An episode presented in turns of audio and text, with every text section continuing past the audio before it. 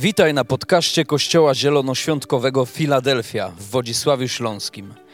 Mamy nadzieję, że to przesłanie zachęci Cię do bliższej relacji z Jezusem. Jeżeli jesteś ciekaw, kim jesteśmy, zapraszamy Cię do odwiedzenia naszej strony internetowej filadelfia.org.pl. Do zobaczenia w Filadelfii. Dobrze, moi drodzy, zajmijmy miejsca.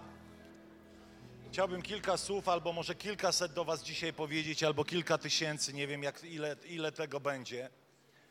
Rozpoczynamy nowy cykl i nie ukrywam, że takim powodem do, do tego cyklu y, tydzień temu, chyba tak, tydzień temu byłem na takim zjeździe misjonarzy, którzy zakładają kościoły. To jest projekt 700 miast absolutnie cudowna rzecz, warta wspierania, warta popierania. Tam zjeżdżają ludzie, którzy zakładają kościoły nowe w Polsce e, z różnych denominacji, wiecie, fajne rzeczy.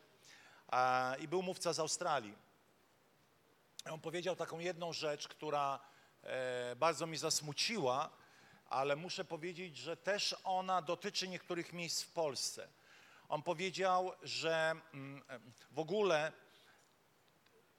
Lockdown w Australii trwał w niektórych stanach australijskich 36 tygodni.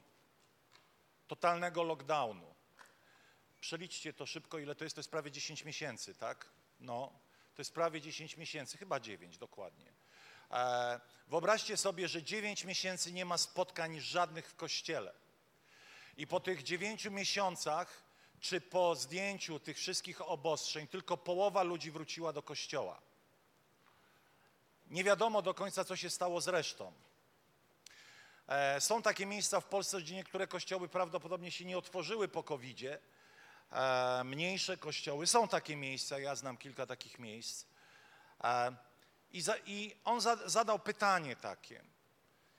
Wiecie, gdyby to było 5%, 10%, możemy domniemać, chorzy wyjechali, przeprowadzili się, ale on zaczął stawiać pytanie – jaki był poziom tego chrześcijaństwa, że po covid połowa ludzi nie wróciła. Czego tych ludzi uczyliśmy, on mówił jako pastor, czego ich nauczaliśmy, że po dziesięciu miesiącach, można by było powiedzieć tak bardzo ogólnie, połowa Kościoła straciła wiarę. A na pewno nie miała żadnej potrzeby bycia w Kościele, w cudzysłowie.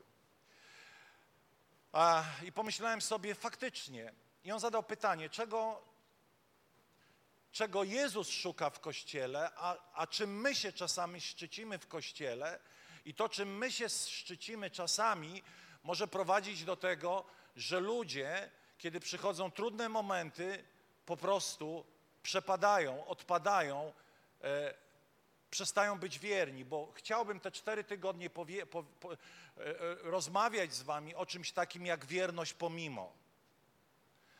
E, trzy niedziele będę mówił o skrajnych przypadkach wierności i jedną niedzielę ostatnią powiem o skrajnym przypadku niewierności, o zaparciu się Boga. Wiecie, w tradycji chrześcijańskiej nie było gorszej rzeczy jak zaparcie się Boga, wyparcie się wiary. Nie było gorszej rzeczy. W ogóle ludzie, którzy, wiecie, potem taka tradycja różna na, e, przylepiała się do kościoła i wspólnoty chrześcijańskie były bardzo takie surowe dla ludzi, którzy wyparli się Pana. Jak zdrajcy. Trzeba było rok być w takiej, wiecie, w takim stanie, bratku, my ci się tu przypatrzymy, czy ty z powrotem możesz z nami być. E, ja tego nie pochwalam, to, to nie był dobry pomysł, no ale tak ludzie robili. I ten czwarty przypadek będzie o tym, jak ludzie Boży zaparli się Jezusa i mimo wszystko, jak Jezus na to wszystko zareagował. I od razu, kiedy ten e, człowiek, ten wykładowca opowiadał nam o tych wszystkich trudnych sytuacjach w Australii, pomyślałem sobie o Norwegii. Byłem wiele lat temu w Norwegii. Były dwa miejsca, które doprowadziły mnie do palpitacji serca, do, do czarnej rozpaczy, do w ogóle załamania. Ale nie martwcie się, nie będzie tak źle. Znacie mnie, że ja zawsze zakończę dobrze, także spokojnie. Musi być źle, żeby było dobrze. Ale może was w kręgosłupie zaboleć. e, ale potem będzie ten, e, e, tabletka miłości. I przyjeżdżamy z moim bratem na nabożeństwo. Przyjeżdżamy na nabożeństwo, budynek cudowny, drogi, wiecie, fotele, to my to siedzimy, kurczę, nie wiem na, na czym, na pieńkach z drewna. Tam były fotele jak w samolotach, paręset foteli cudownych, jak siadałeś, to... E, Tylko to za tydzień żeśmy, że tak powiem, e, posmakowali tych foteli, bo w niedzielę, kiedy przyjechaliśmy, kościół był zamknięty. I dzwonimy do pastora, ej przyjacielu, bo my tutaj kazanie będziemy głosić, tu będzie karate, będzie ostro. A pastor dzwoni, mówi, no zapomniałem wam powiedzieć, że dzisiaj nie ma nabożeństwa, bo tak myśleliśmy sobie, że mało ludzi przyjedzie, bo jest ciepło, na pewno wszyscy pojadą na plażę. To jest prawdziwa historia. Przyjechaliśmy za tydzień. Sala, paręset miejsc, z przodu jakieś 50 osób. Pytamy tego człowieka, ile ty masz ludzi w kościele? On mówi, no według listy jakieś 400. A ja mówię, nie. Ile ludzi uczęszcza do ciebie regularnie na nabożeństwa? No to co widzisz? To nie masz 400, masz 50. Ale na liście mam 400. Nie, nie masz 400, masz 50 ludzi w kościele. Gdzie jest reszta tych ludzi? Co się z nimi stało? Trudno powiedzieć.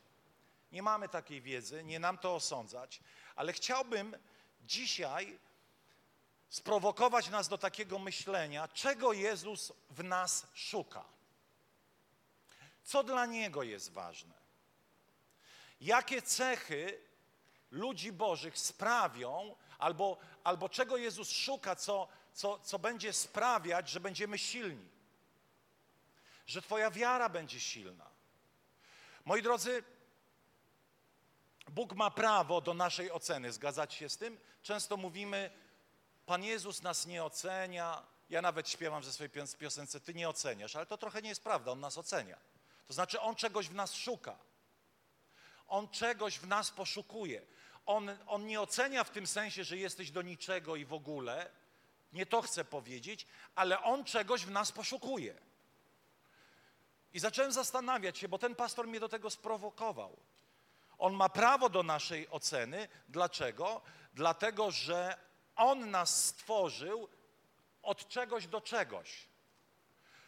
Urodziłeś się na tej planecie nie dlatego, może nie przede wszystkim, że mamusia i tatuś, wiecie jak to w seksmisji było, e, ale dlatego, że, że, że niebiosa gdzieś chciały, żebyś przyszedł na ziemię. I nie po to, żebyś, przepraszam za to brzydkie słowo, zwalił to życie, ale po to, aby ono było piękną melodią, piękną przygodą, aby ono było niezwykłe. Jesteście ze mną? A więc On czegoś w nas e, poszukuje, patrzy na nas, sądzi nas sprawiedliwie, Jego osąd zawsze jest pełen miłości, ale jednak On jest. Jego osąd nie jest tym, który odcina nas od nadziei, ale On przynosi nam nadzieję, abyśmy byli lepszą wersją siebie tu i teraz. Wiecie, Bóg także inaczej ocenia sukces Kościoła. On inaczej patrzy na to, co tu ma miejsce. Jesteśmy wdzięczni Bogu za ten budynek. Ale wiecie, posiadać budynek i nie mieć tego, czego Jezus poszukuje w ludziach tu zgromadzających się, to tak jakby, wiecie, ja mam, ja, ja mam jakąś taką, nie wiem, może niektórzy też mają taką chorobę, ale ja lubię zbierać ładne pudełka po prezentach. Zacząłem już je wyrzucać, bo to już była patologia. Ale mi ich tak jest szkoda, że je zbieram. Nie zbierasz? Ty zbierasz. Moja żona też zbiera. Trze- Trzeba coś zbierać, tak. Dobrze, że nie złom. I wiecie, nielogiczność tej sytuacji polega na tym, że zbieramy pudełka, w których nic nie ma. I co ja chcę powiedzieć? E, posiadanie ładnej infrastruktury kościelnej, bez tego, czego Jezus szuka w ludziach Kościoła, to tak jak posiadanie ładnego pudełka, bez tego wsadu. Kompletnie bez sensu. Wiecie, kiedy my tutaj żyjemy, to to nie jest tak, jak Jezus, Jezus przychodzi i mówi, Arkadiusz, ale taka wiarenka jest cudowna, jestem pod wrażeniem normalnie. Ale wykładzinę macie cudowną, no ja nie mogę. Przecież wiemy, że on tak nie reaguje, tak? Bo dla niego zafundować nam taką wykładzinę to jest takie coś. Bo pańska jest ziemia i, co ją napełnia, i to, co ją napełnia. A więc jesteśmy wdzięczni Bogu za to wszystko, co nam daje, ale On kompletnie na tym nie zatrzymuje swojego ani oka, ani ucha. Zapewniam Was, że są lepsze miejsca, bogatsze, a jednak Jezus czegoś innego szuka. My możemy coś oceniać właśnie po opakowaniu, bardzo coś powierzchownie. Wiecie, tak jak Australijczycy oceniali jakość kościoła po ilości ludzi w kościele i wielkości pieniędzy i atmosferze.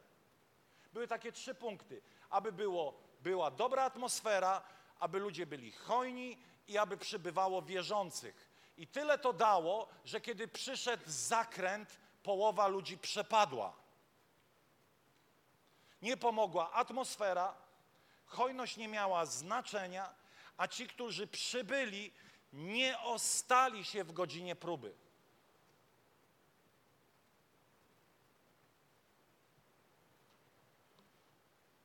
Dlaczego ich nie ma? Może się boją.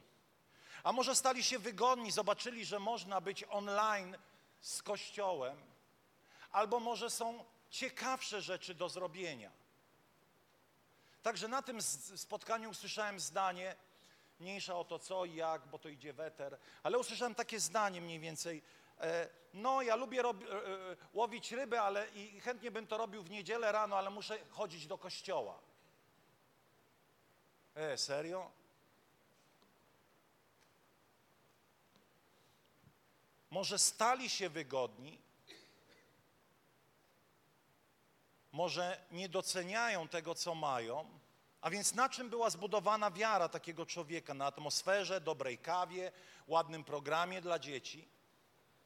Czego zatem szuka w nas Jezus? Posłuchajcie tego, bo to roz, rozwala mi głowę, co Jezus mówi do kościołów w objawieniu Jana, za co on ich chwali. I myślę, że za to Bóg chce pochwalić Ciebie, Ciebie, Ciebie, Ciebie, każdego, który może się utożsamić z tym tekstem. Oto jest Kościół, można by było powiedzieć parafia, wspólnota, jak zwał, tak zwał w Efezie. I oto Pan Jezus mówi do Efezjan, do członków tej, tego kościoła, mówi tak: Wiem o Twoich czynach, o trudzie i wytrwałości. Masz też wytrwałość, dalej mówi. Wiele zniosłeś dla mojego imienia i nie uległeś zmęczeniu. Zobaczcie, Jezus patrzy i mówi, jedna rzecz, która się będzie dzisiaj przewijała, to wytrwałość. Wytrwałość i wierność, bo o tym chciałbym dzisiaj powiedzieć.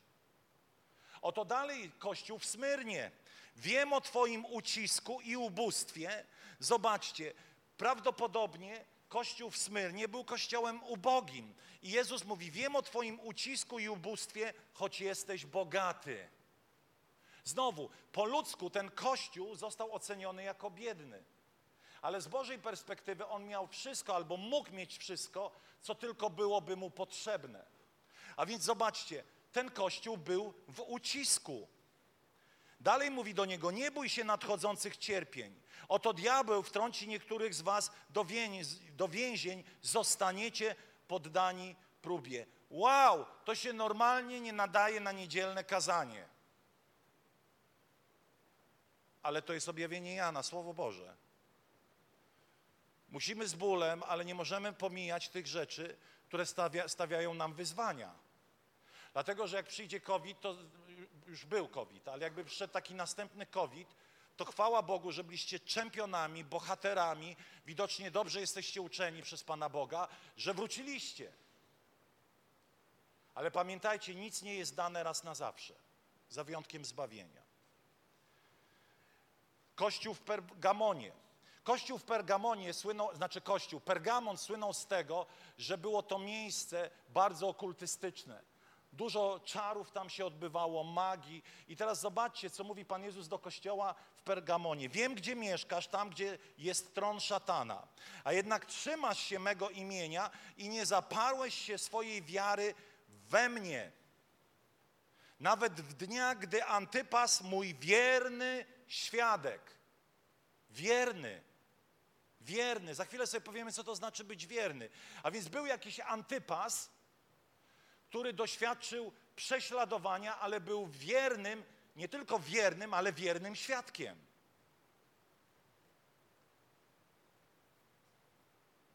Tiatyra.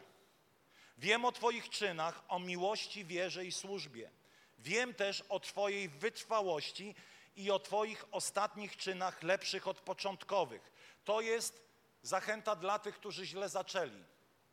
Jak mawiał premier Leszek Miller, mężczyzny nie poznaje się po tym, jak zaczyna, ale jak kończy. Do dzisiaj nie wiem, co miał na myśli. Nie chcę się domyślać. Ale zobaczcie, Pan Jezus mówi, nieważne jak zacząłeś. Może źle zacząłeś. Może twoja przeszłość to jest pasmo upadków, ale końcówkę masz świetną. Dobrze ci idzie, lepiej niż na początku, do przodu. A jednak e, od, lepszych od, począt, od początkowych, przepraszam. Kościół Filadelfia, to my. Wiemy o Twoich czynach. Oto sprawiłem, że drzwi przed Tobą są otworem. Nikt nie zdoła ich zamknąć. Czuję, że to Bóg prorokuje do nas dzisiaj. Wiem, że niewielką masz moc, a jednak zachowałeś moje słowo i nie zaparłeś się mojego imienia. Zobaczcie, Filadelfia nie miała wielkiej mocy, ale wytrwała. Nie wyparła się Pana. Może nie miała aż tak spektakularnych cudów, jakbyśmy chcieli. Chcemy ich więcej, chcemy więcej przełomów. Ale pomimo tej niewielkiej mocy, tak naprawdę okazało się, że ma wielką moc, bo wytrwała w godzinie próby.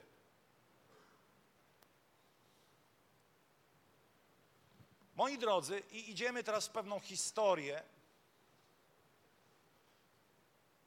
młodych Żydów, którzy zostali poddani próbie pieca ognistego. Wielu wie, ja w skrócie opowiem. Byli młodzi Żydzi, Żydzi, trzech młodych ludzi, którzy piastowali bardzo zacne stanowiska w Babilonie. I nagle ktoś wpadł na pomysł, żeby zbudować wielki posąg, i wszyscy mieszkańcy musieli się temu posągowi kłaniać. Ale tych trzech ludzi, którzy szanowali swojego króla, powiedzieli, że tego nie zrobią. I ponieważ tego nie zrobili, zostali wrzuceni do ognistego pieca. I kilka myśli z, tych, z tym związanych. Po pierwsze, musimy wiedzieć, że póki jesteśmy na ziemi, są różne sezony i nic nie trwa wiecznie. Każdy stan, każdy sezon zaczyna się i kończy. Mogę nawiązać do sytuacji, w której obecnie jest nasz kraj. Po 30 latach spokoju, jakiego nigdy w Europie nie było, już tak nie będzie. Musimy nauczyć się żyć w stanie ciągłego zagrożenia. Możemy mieć tylko nadzieję, że nic nam na głowy nie spadnie. Ale pamiętajcie, nic nie jest dane raz na zawsze. Jak to mawiał pewien autor pangrokowej E, piosenki, wszyscy walczą o, o pokój, aż się leje krew. Być może to jest teraz tak, że będziemy musieli nauczyć się żyć jak Izrael w ciągłym zagrożeniu. I będziemy musieli nauczyć się żyć. A więc jedyne, co trwa wiecznie, to Pan Bóg, Ewangelia, Królestwo Boże.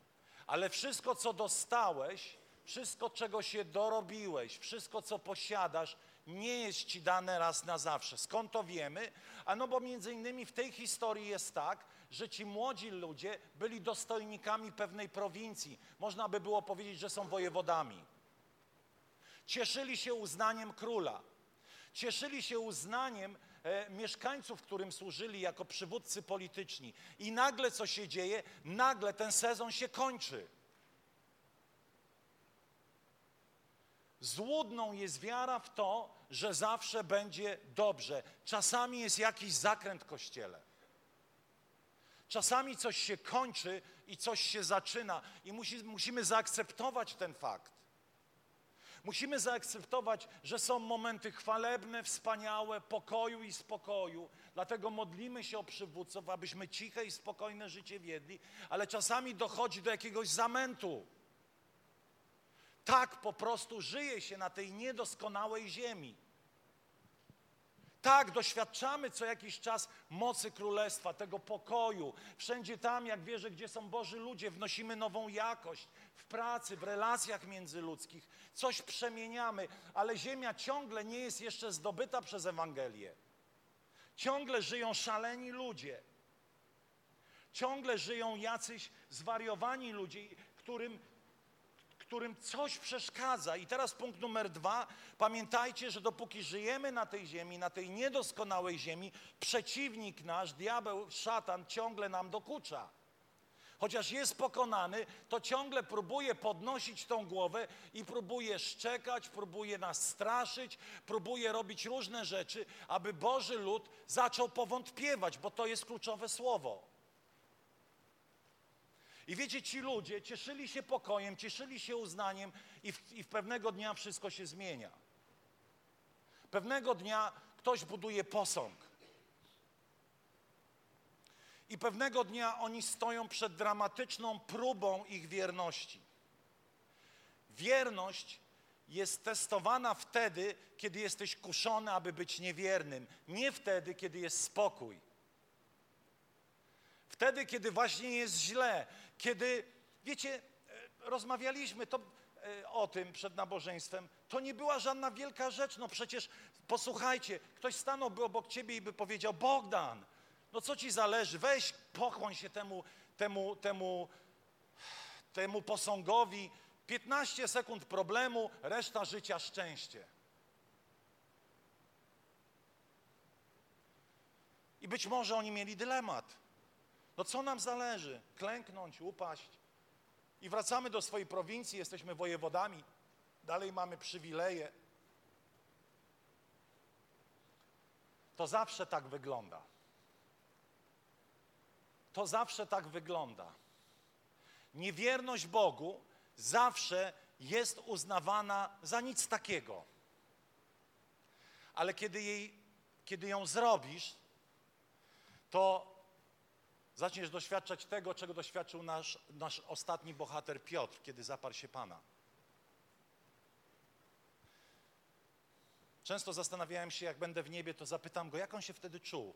Myślę, że on nawet nie będzie już pamiętał, ale wiecie, on tak się źle czuł, że powiedział: Mam gdzieś te całe apostolstwo, idę łowić ryby. On był zdewastowany psychicznie. A to miało być tylko trzy razy powiedzenie: Nie znam gościa.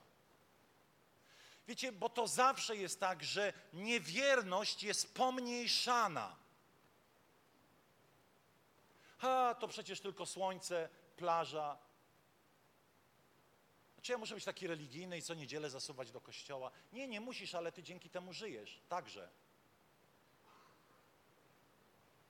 A nie świrujmy, że to co niedzielę to tak jak tam ci z tych tradycyjnych kościołów latają, te wszystkie dewotki, przecież ja nie będę tak latał. Raz nie pójdziesz, drugi, piąty, a trzydziesty już nie będziesz miał siły. To zawsze wydaje się, ta niewierność zawsze wydaje się czymś błahym. Jesteście ze mną? Nikt, kiedy chce być niewierny, nie pomyśli sobie, o Jezu, jaki to dramat. To jest tylko uklęknąć. To żadna wielka sprawa. Kiedyś nastanie pokój, ale dzisiaj musimy żyć w oparciu o wewnętrzny pokój i wierność to jest, że tak powiem, wejście w atmosferę pokoju wewnętrznego pomimo zewnętrznego niepokoju, a niewierność to jest doświadczanie wewnętrznego niepokoju.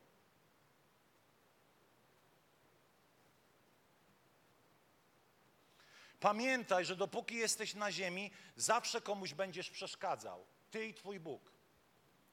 Zawsze będzie komuś przeszkadzała Twoja wierność Bogu.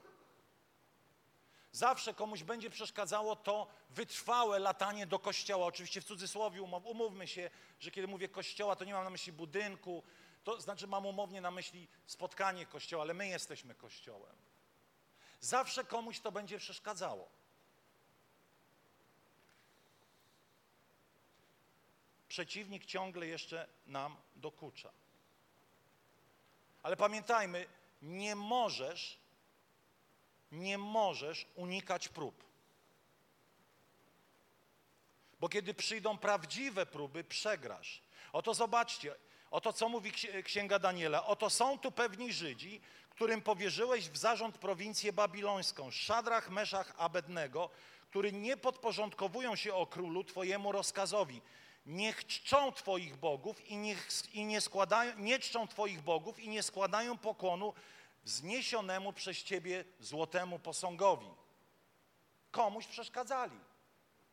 Nawet król do końca nie wiedział, ale ktoś się postarał, żeby byli jacyś ludzie, którzy donieśli na tych trzech pobożnych Żydów. Zobaczcie, oni byli szychami, jak to się mówi, i nagle to szychowanie się teoretycznie kończy. Czy warto być wiernym? Jeden z psalmów mówi, nie warto służyć Bogu żywemu, bo niewierni ludzie, niewierzący w Boga mają lepiej niż my. Serio?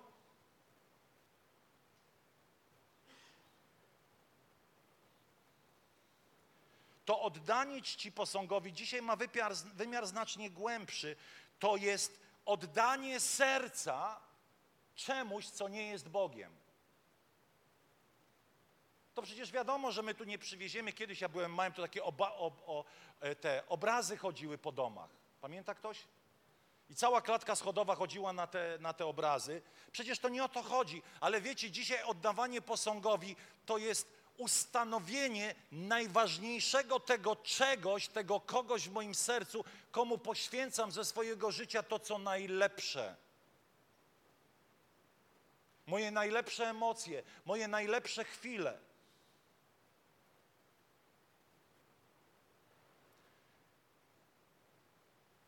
Boję się, abyśmy nie wychowywali w Filadelfii rzeszy McDonaldowych chrześcijan szybko, prosto, wygodnie. Albo będziemy gotowi na wierność Bogu bez względu na osobistą cenę, albo zredukujemy Filadelfię do miejsca take away, do miejsca kup i zabierz i odjedź. Drive in, drive through.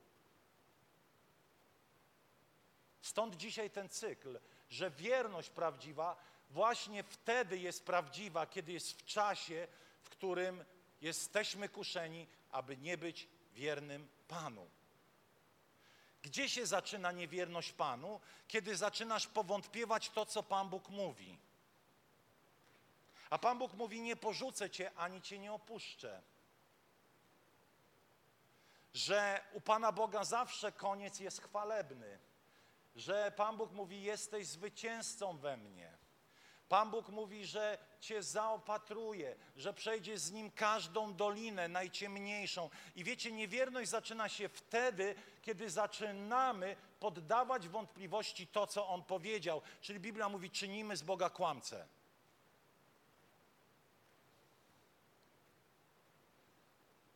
Życie z Bogiem, moi drodzy, Wy to wiecie, ale ja tak powiem, żeby przypomnieć.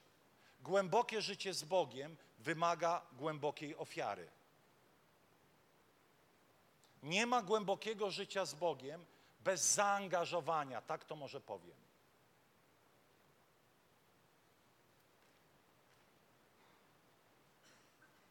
Ale pamiętajcie, ofiara i próba poprzedza nagrodę. Ból poprzedza radość, posłuszeństwo prowadzi do zwycięstwa.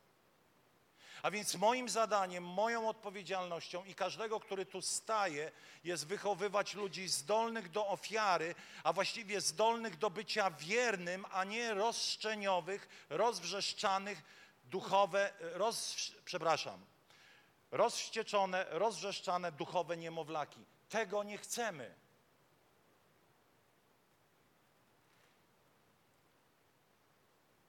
Kolejna myśl, Twojej wierności nie jesteś sam.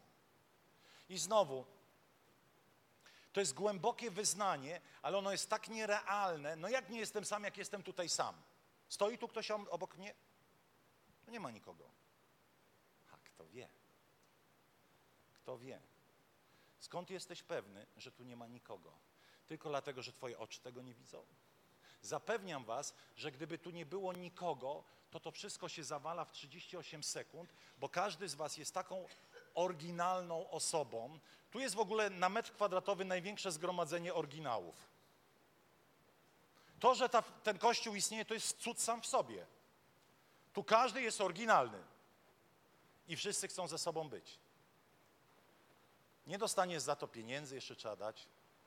Zamiast w niedzielę rano spać do 12, trzeba iść do, trzeba iść do kościoła.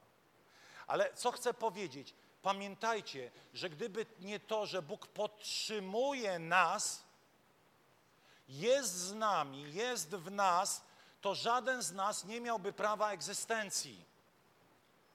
To wielu z nas, którzy okazali się bohaterami, właśnie wiernymi w godzinie próby, byli takimi, ponieważ Bóg nie zostawił ciebie samym.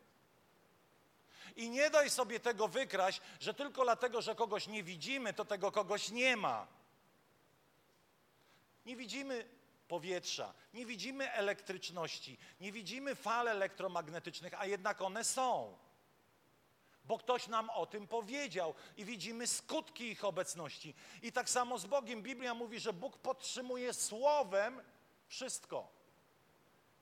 Po prostu mówi: niech będzie, niech będzie życie, niech będzie ruch, niech on żyje, niech on przetrwa, niech on przejdzie ten moment. I właśnie wtedy chwytamy się tego i mówimy: Nie jestem sam, bo ta historia, ona jest zapowiedzią tego, co dzieje się z człowiekiem, kiedy przychodzi moment próby. Zobaczcie. I oto jest napisane.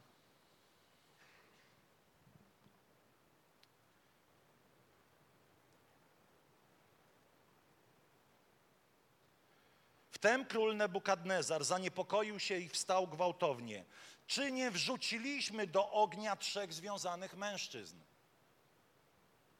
Zapytał swoich doradców. Owszem, wrzuciliśmy królu, odpowiedzieli, a król na to, to dlaczego ja widzę czterech mężczyzn? Są rozwiązani, chodzą wśród płomieni bez szkody, a wygląd czwartego przypomina anioła. Moi drodzy, teologicznie Żydzi, e, że tak powiem, e, mesjanistyczni, czyli uznający Jezusa jako, jako Boga, mówią, że to są momenty, w których objawia się sam Pan Jezus w Starym Testamencie. Chodziło po tym piecu trzech. W ogóle ciekawe jest, że oni tam chodzili. Czyli tam nic nie ma logicznego, bo normalnie jak mnie by wrzucili do tego pieca, to bym tak powiedział, Panie Jezu, w imię Ojca i Syna i Ducha Świętego, Amen, umieram. A nie dość, że oni nie spłonęli, to jeszcze chodzili po tym piecu. Może to było tak, że ten anioł, przez, zobaczcie, mówi, o, a ta ściana jest tam z tego, ta ściana z tego, zobaczcie, tu są takie płomienie, tu są takie, pokażę wam, jak ten piec wygląda. Po prostu nic im nie było. Ktoś może powiedzieć, pastorku, przegiąłeś z tą historią. No jak, wpadli do pieca, kominek otwierasz, masz poparzone ręce. Ostatnio dotknąłem się rury wydechowej w moim motorku i się cały poparzyłem. Tam jest mój syn. Kiedyś, kiedy była grupa domowa, na twarz wylał mu się wrzątek. Centralnie na twarz. Miał tylko mały strupek. Nie polecam testować, ale różne dziwy się w życiu zdarzają, za którymi stoi Bóg. To, że wydaje ci się coś nierealne, nie znaczy, że nie mogło to mieć miejsca. Ale ta historia jest głębsza. Nie testuj pieca, ale pamiętaj, że czasami życiowe zdarzenia to jest jak piec ognisty. I ta historia mi mówi: nie będziesz tam sam. Ufaj bezgranicznie w to, że Bóg będzie z Tobą, żebyś wytrwał, był wierny w godzinie próby. Wiecie, czasami zastanawiam się nad kondycją wiary wielu ludzi. Ktoś mówi, a nie przyjdę do kościoła, bo jestem zmęczony. Nie przyjdę do kościoła, bo tam nie mają parkingu. Nie przyjdę do kościoła, bo tam nie ma klimatyzacji. Nie przyjdę do kościoła, bo jest za głośno, za cicho, za krótko, za długo. Nie przyjdę do kościoła, bo ten mnie wnerwia. Co to w ogóle jest za chrześcijaństwo? Jeżeli to są powody, że komuś jest ciężko przyjść, być. Ktoś może powiedzieć, pastorze, ale ja mam społeczność z Panem. Serio? Gdzieś ty się tego naczytał. Chrześcijaństwo to jest relacja z Bogiem i z Bożym ludem. Nie można być wielkim chrześcijaninem, nie mając relacji z innymi ludźmi. Jeżeli brak parkingu, to jest oczywiście nie o nas, bo mamy dwa. Jeśli brak parkingu jest dla Ciebie problemem, drogi bracie w internecie, to zastanów się nad swoją wiarą. Ale pomyślmy my teraz tak szczerze, jak błahe sprawy są wystarczająco dobrym powodem, żeby nie spotkać się z Bogiem. Żeby nie przyjść na spotkanie Kościoła. Żeby nie przyjść na grupę. I wiecie, na czym polega to oszustwo? To polega oszustwo, że kiedy zostałeś, to coś straciłeś. Ale kiedy poszedłeś pomimo, zawsze mówimy dobrze, że byłem. Tak? Jesteście ze mną? Zobaczcie, jakie jest kłamstwo. Diabeł ci mówi, to nic, że nie pójdziesz. Przecież jesteś zmęczony, masz prawo odpocząć. Tak, mamy prawo, nie jesteśmy fanatykami religijnymi. Ale czy to jest prawo, bo jesteś zmęczony, czy to jest święty wykręt? Bądź ze sobą szczery. Ale kiedy wracasz z takiego spotkania, wiem po sobie, bo czasami mi się nie chce, ale nauczyłem się być wierny pomimo w tych małych sprawach, bo to nie są wielkie sprawy, bo nikt mi nic przykrego nie robi. I sobie myślę, kiedy przyjdą w życiu może wielkie sprawy, oby Bóg był ze mną i wtedy będę trzymał się i wołał, bądź ze mną. Zresztą ja wam opowiadałem, że ja muszę nagle umrzeć, bo jak ja byłbym chory na przewlekłą chorobę, to prędzej by poumierali ci, którzy się by mną opiekowali. Typ ględy. Chciałbym, żebyście usłyszeli mąż Boży. Z godnością to znosił. Nie, ja bym już umarł za życia.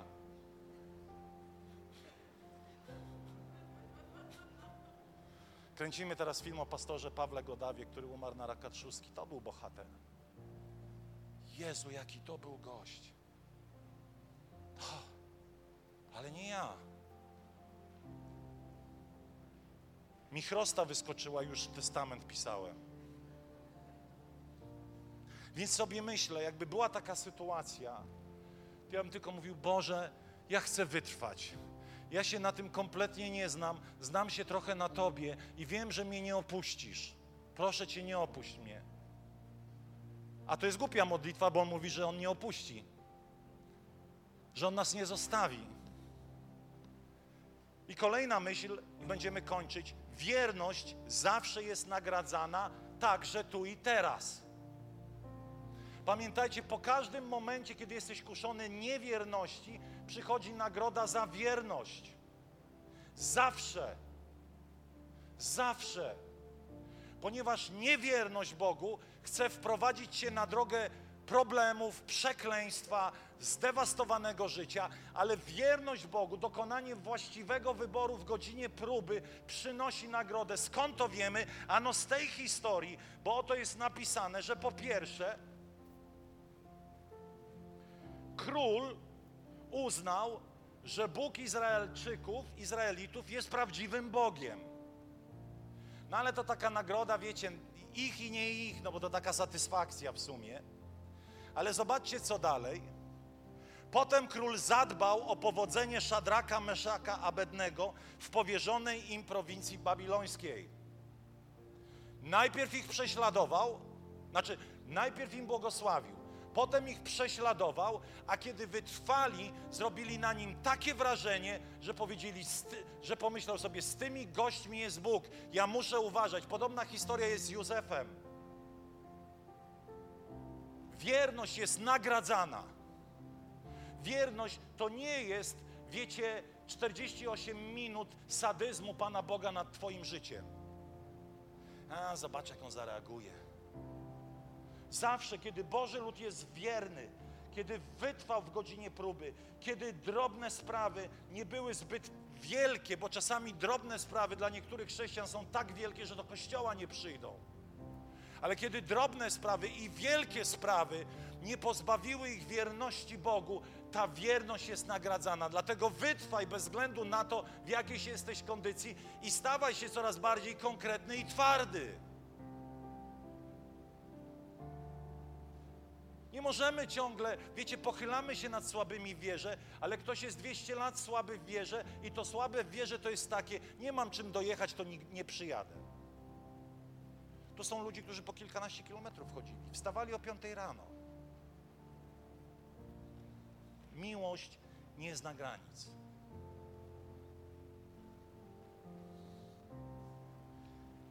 Ale bez względu na to, bo wiecie, ta historia źle się zaczyna, to znaczy Szadrach, Meszach i Abedne mówi tak. I też musimy się tego nauczyć. Nasz Bóg ma moc wyratować nas z tej sytuacji. Ale nawet jeśli tego nie zrobi, nie pokłonimy się Tobie. Pamiętajmy o jednym. Jak bardzo byśmy nie byli zasadzeni na ziemi, o którą mamy dbać, o którą mamy się troszczyć, którą mamy uprawiać, którą mamy pomnażać. Ale jak bardzo byśmy nie byli tu zasadzeni, to żyjemy i tak dla wieczności.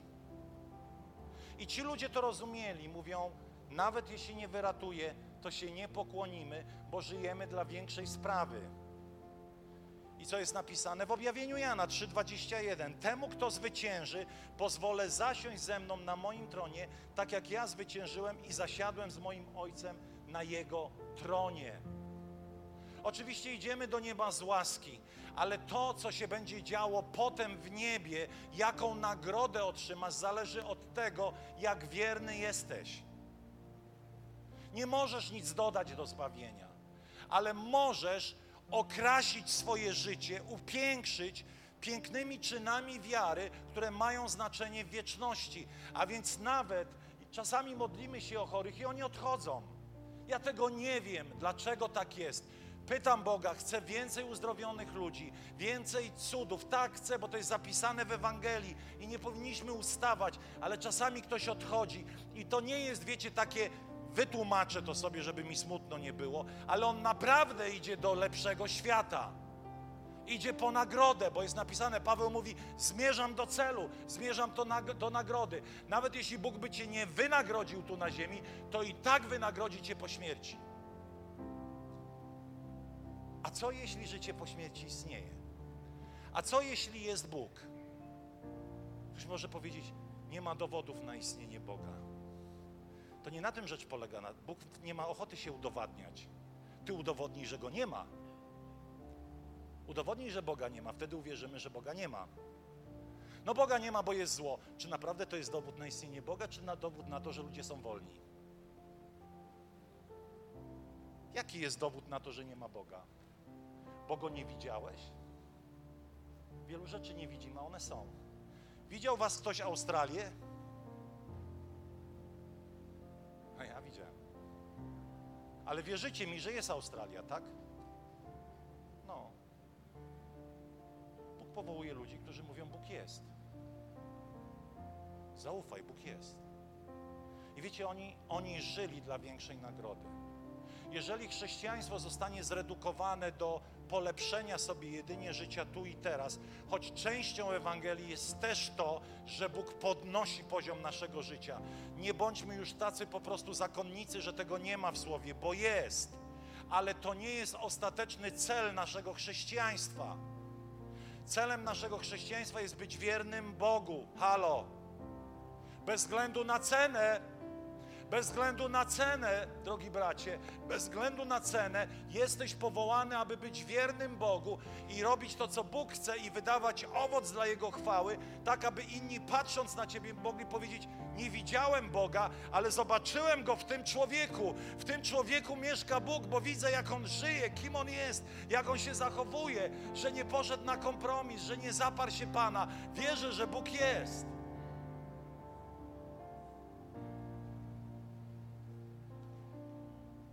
Powstańmy.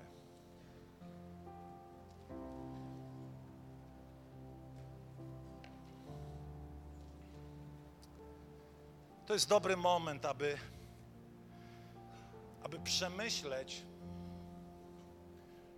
swoją wierność. Wierność Panu, wierność też temu, co Bóg chce, abyś, w czym abyśmy byli wierni. Co Bóg do Ciebie mówi? Wiem, co do mnie mówi, ale co do Ciebie mówi? Zadaj sobie teraz pytanie, co do Ciebie mówi Duch Święty?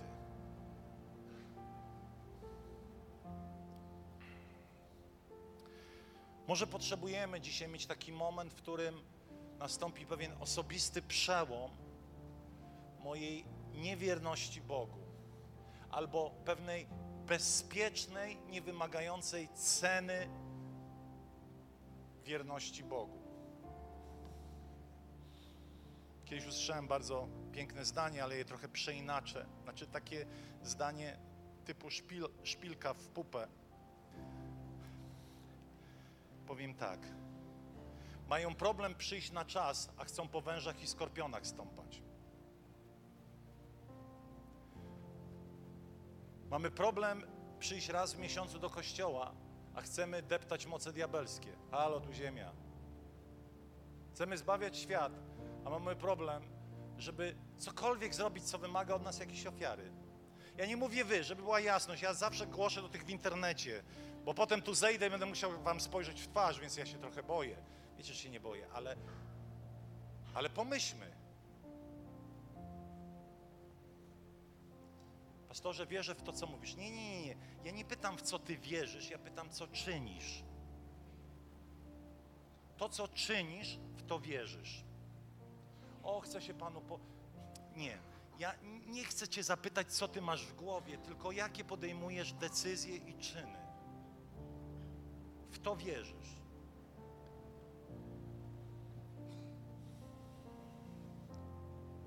Jeśli Bóg do Ciebie dzisiaj mówi, chciałbym się z Tobą pomodlić, ale chciałbym też Ci rzucić takie, takie wezwanie, taką osobistą ofiarę. Jeśli Bóg do Ciebie mówi, że pot- potrzebujesz być wierny, czy jesteś gotów tutaj wyjść i się ze mną pomodlić? Czy będziesz dbał o swój wizerunek, powiesz, wszędzie się pomodlę? Czy Bóg mówi do Ciebie? Podejdziesz tutaj, bo chcę się z Tobą pomodlić? Będziemy teraz śpiewać. Będziemy teraz śpiewać. I chciałbym Cię wezwać do przodu. Chciałbym się z Tobą dzisiaj pomodlić. Abyś był wierny. Abyś nie odpuszczał tylko dlatego, że jest jakaś cena do zapłacenia. Bo kiedy przyjdą naprawdę trudne chwile, możemy tego testu nie zdać. Jeśli Bóg dzisiaj mówi do Twojego serca, przyjdź, chciałbym pomodlić się razem z Tobą. Uwielbiamy Ciebie, Panie. A może chcesz dzisiaj pierwszy raz powierzyć życie swoje Panu Bogu? Jezus był dla Ciebie pewną religijną figurą, oddalony, daleki. Dzisiaj chcesz powierzyć swoje życie Panu. Tam, gdzie jesteś, chciałbym Cię zaprosić też tutaj do przodu, abyś zrobił ten krok wiary, ponieważ chcę się z Tobą pomodlić. Chrześcijaninem człowiek się staje nie dlatego, że jest zapisany i ma metrykę chrztu, ale dlatego, że Pismo Święte mówi, Jezus szedł i mówił, pójdź za mną. Jeżeli dzisiaj chcesz pójść za Jezusem, zapraszam Cię do przodu. Będziemy uwielbiać Boga, a ci, którzy chcą się pomodlić, podejdźcie tutaj do przodu i będziemy się modlili jeszcze przez chwilę. Zapraszam, uwielbiajmy Boga. Dziękujemy. Prosiłbym, aby liderzy podchodzili i usługiwali tym, którzy stoją. Dziewczyny do dziewczyn, liderzy do, do, do mężczyzn. Podchodźcie śmiało.